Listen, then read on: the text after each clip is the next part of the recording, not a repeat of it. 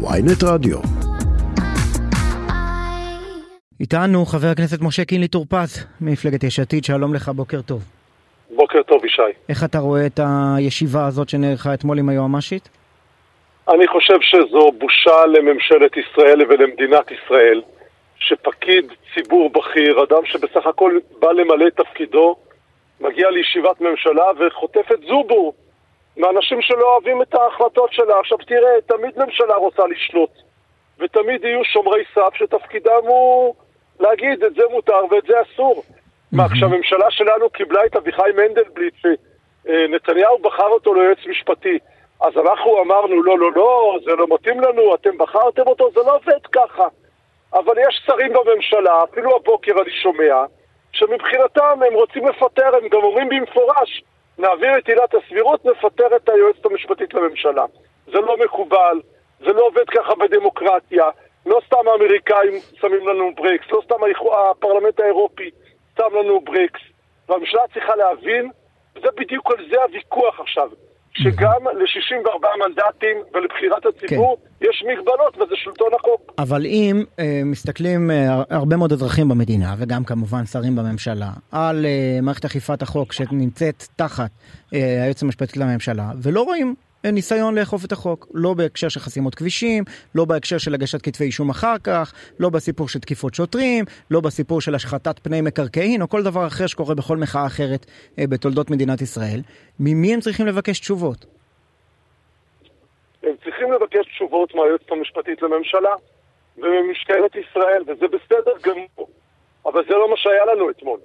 מה שהיה לנו אתמול זה ניסיון להחליש את מערכת אכיפת החוק. להחליש את היועצת המשפטית לממשלה. הממשלה הזו יורה לעצמה לרגל פעם אחרי פעם.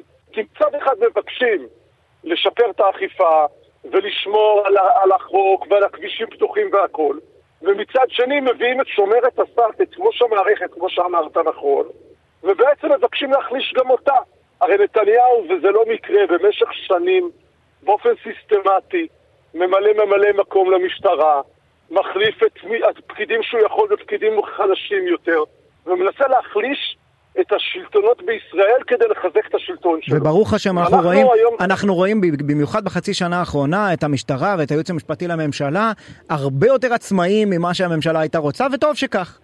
אבל, נכון. אבל מה קורה אם הם מוותרים על הקונספט של אכיפת, אני אומר לך כאזרח עכשיו, עזוב אותי מישיבת הממשלה אתמול.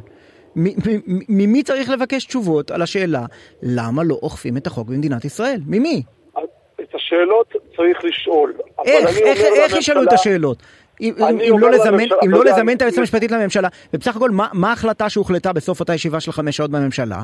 תנו, תני עוד שבעה ימים, תני לנו תשובה. מה ההנחיות? הבעיה היא שהממשלה הזו מתנהלת כמו דוקטור ג'קל ומיסטר היי. ביד אחת מוצאים הודעות, הכל בסדר. ביד השנייה שרים בכירים מתדרכים על הכוונה לפטר את היועצת המשפטית לממשלה. ביד השנייה נתניהו יכול להתראיין באנגלית לכלי תקשורת בחו"ל ולומר אנחנו נשמור על הדמוקרטיה וכולי. ביד השנייה דודי אמסלם, שר בכיר בממשלתו, מקשר אה, בין, הממשלה לקואלית, לכנסת, עולה ומאיים על שומרי הסף. שלמה קרעי משתלח בכל מה שקשור לאופוזיציה, גלית דיסטל מוציאה הודעות. זו ממשלה הזויה, קיצונית, שמתחילת כהונתה לא זוכה לרוב בשום סקר, לא בערוץ 12 ולא בערוץ הבית 14. ויש איזו סיבה. אומנם היו 64 מנדטים, אבל התנדפו להם. למה הם התנדפו להם? כי הם לא עובדים בשבילנו. הם עובדים רק לבצר את שלטונם.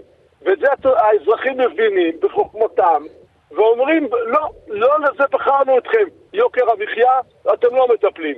ביטחון יורד, ביטחון אישי, קמפיין שלם שאיש הפיתות בן גביר עשה, ואנחנו רואים מה מצב הביטחון, לא רק בחברה הערבית, גם בחברה היהודית. אז למה בחרנו את הממשלה הזו? בשביל לעשות מהפכה משטרית שרוב הציבור לא רוצה אותה? הרי רוב הציבור רוצה שנחזור לבית הנשיא וננהל שם שיחות. במקום זאת, הם ניסו לעשות לנו את התרגיל עם הוועדה לבחירת שופטים, אחר כך הם מביאים באופן חד צדדי את עילת הסבירות. ככה לא מנהלים מדינה, הם מאבדים לא את. המדינה רגע, רגע, ואותנו פ... בדרך. פרשתם מהשיחות אה, ואתם מצפים שמה שהם ישבו ויחכו? סליחה, אנחנו לא פרשנו מהשיחות. אנחנו אמרנו, שיחות מנהלים בתום לב, בלי פעולות חד צדדיות. ברגע, בדקה ה-99, כשכבר היינו עם סיכום על איך נבחרת הוועדה, ונציגה לאופוזיציה ונציגה לקואליציה, נתניהו שוב ניסה לעשות את הטריקים והשטיקים, שבגללו שר האוצר שלו קורא לו שקרן בן שקרן, ואף אחד במערכת הפוליטית לא מאמין לו, כי הוא חסר אמינות, כי ההבטחה שלו, מילה שלו לא שווה שקל, ואז מה שקורה זה שהוא גם נכשל בניסיון להשתלט על הוועדה או לדחות את הבחירות ב-30 יום, והשבוע תהיה לנו סאגר שידור חוזר, וגם בסופו של דבר הוועדה לא מתכנסת, ואנחנו אמרנו חברים, שיחות בבית הנשיא, אבל יש 94 שופטים למנות, מערכת שסובלת, האזרח סובל. זה נתון לא נכון. כי אין שופטים. יש 20 ומשהו שופטים. אוקיי, יש 80 ומשהו. אתה יודע מה, אני, אני מכיר נתון אחר, אבל בוא לא... לא, לא, בוא, זה, בוא כבר, נדבר על זה כבר. פורסם כי זה חישוב שנתי, לא, אני, אני יכול להיכנס איתך, אבל זה אלה. אלה הפרטים, זה לא חשוב. צריך למנות מחר רגע. בבוקר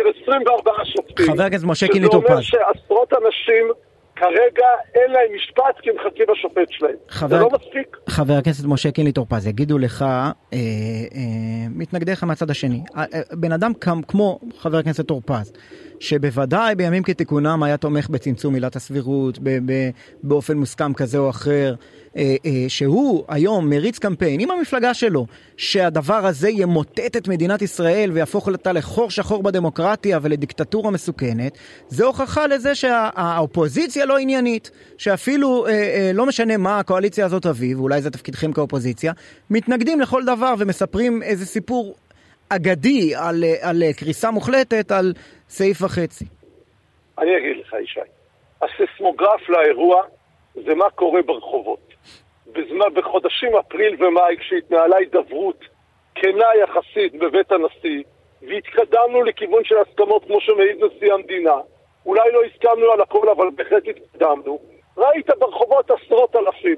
במוצאי שבת אני הייתי בירושלים, אחרים היו בתל אביב ובכל רחבי הארץ, חזרנו למאות אלפים. יש סיבה לזה.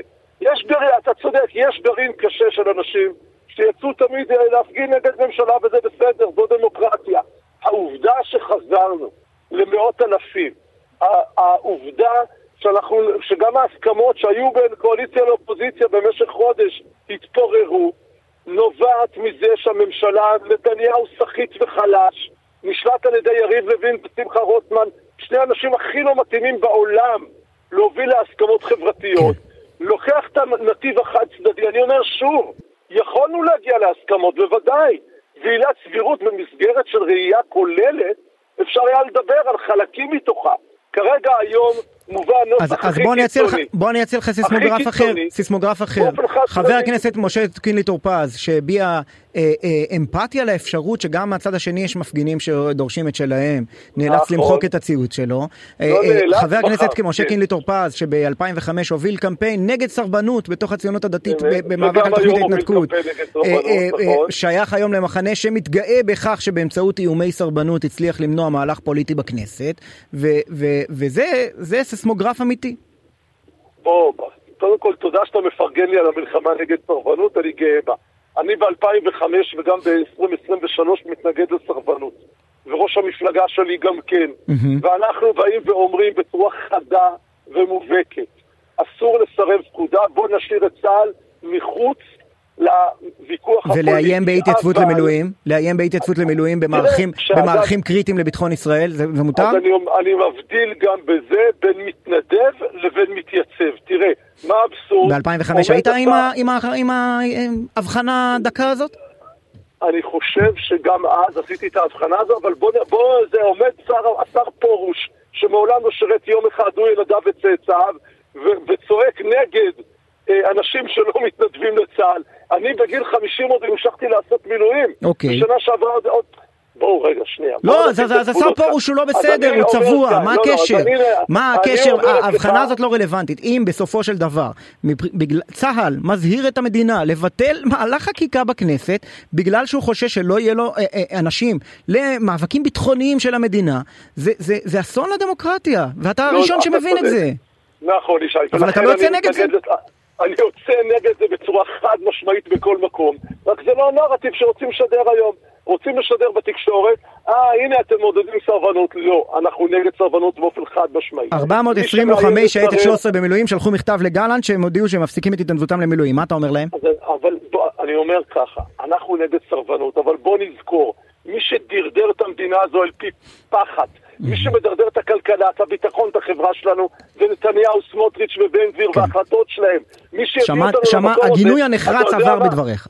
הניסיון, הניסיון לראות ברגל של המדינה הזו, ה- ההליכה בשבי אחרי הקיצונים היא אשמת נתניהו, ואנשים שהוא בוחר ללכת אחריהם, הייתה לו בחירה אחרת, במשך חודשיים הוא התנהל אחרת, בוא נזכור את זה. בוא לא נאשים. את הפטריוט שעומד ורואה שלוקחים לו את המדינה ויוצא להפגין, כי הוא הציוני האמיתי. חבר הכנסת משה קינלי טור פז, יש עתיד. תודה רבה לך. תודה רבה, יום.